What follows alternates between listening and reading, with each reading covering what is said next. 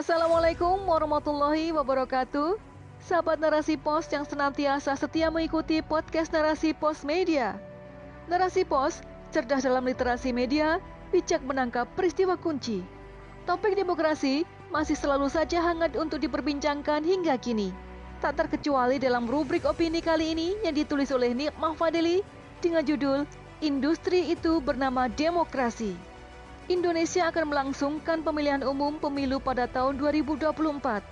Komisi Pemilihan Umum (KPU) sebagai penyelenggara telah menganggarkan dana sebesar 86 triliun rupiah untuk pemilu dan 26,2 triliun rupiah untuk pilkada serentak. Anggaran ini dinilai Wakil Ketua Komisi 2 DPR, Junimat Girsang, terlalu besar.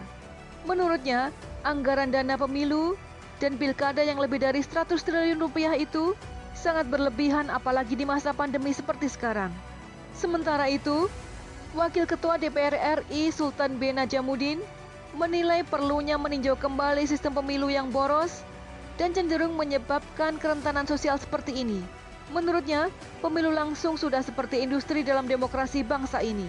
Biaya yang jumbo akan sangat rawan menyebabkan penyalahgunaan anggaran. Belum lagi jika ditambahkan dengan modal pemilu milik partai politik dan capres, pemilu langsung hanya akan jadi ajang adu kuat dan modal politik yang sumbernya berasal dari cukong dan oligarki. Apalagi sebagai negara berkembang, angka ratusan triliun untuk sebuah pemilu tentu terlalu mubazir. Pemilu adalah mekanisme yang biasa dilakukan dalam sistem perwakilan demokrasi. Dalam sebuah negara demokrasi, pemilu merupakan salah satu pilar utama dari proses akumulasi kehendak masyarakat. Pemilu dipandang adil karena seluruh rakyat dilibatkan secara langsung, Faktanya, selama ini pemilu menjadi ajang untuk melanggengkan kekuasaan dalam sistem demokrasi. Betapa banyak contoh penguasa yang menjadikan anak, menantu atau keponakannya sebagai penguasa demi keberlanjutan kekuasaan mereka yang telah habis masanya. Pemilu menjadi ajang kekuatan untuk melakukan pencitraan dan menunjukkan kemampuan membeli suara. Para pemburu kekuasaan dan mereka yang berkepentingan siap membayar berapapun demi keuntungan besar yang ingin diraihnya. Menyebarkan hoax, money politics, pembunuhan karakter adalah hal yang wajar terjadi ketika pesta demokrasi tersebut diselenggarakan. Lantas, apa yang didapat rakyat? Tak lebih hanyalah janji manis yang menguap entah ke mana. Harapan tetaplah harapan tanpa pernah terwujud. Rakyat pun harus siap menerima kebijakan yang sangat tidak pro rakyat, karena jargon dari rakyat, oleh rakyat, untuk rakyat yang diagungkan sejatinya hanyalah pepesan kosong. Rakyat tentu kalah dibanding mereka yang memiliki modal tinggi sehingga dapat menguasai negeri. Demokrasi berdiri di atas asas sekularisme dan kebebasan. Sistem kapitalis yang mendasarinya tak memiliki aturan baku tentang mana yang benar dan mana yang salah. Semuanya diukur dari kemanfaatan materi yang diperoleh. Siapa yang memiliki kekuatan cuan, maka dia akan berjaya maka sangat sulit mengharapkan demokrasi akan membawa kebaikan karena yang kerap terjadi adalah percampuran kebenaran dan kebatilan, juga praktik menghalalkan segala cara demi kepentingan yang ingin dicapai.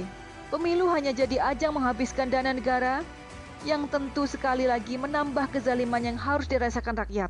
Islam sebagai sistem politik yang unggul tidak membutuhkan dana fantastis dalam mekanisme pemilihan pemimpin. Metode baku pemilihan pemimpin dalam Islam adalah bayat syar'i.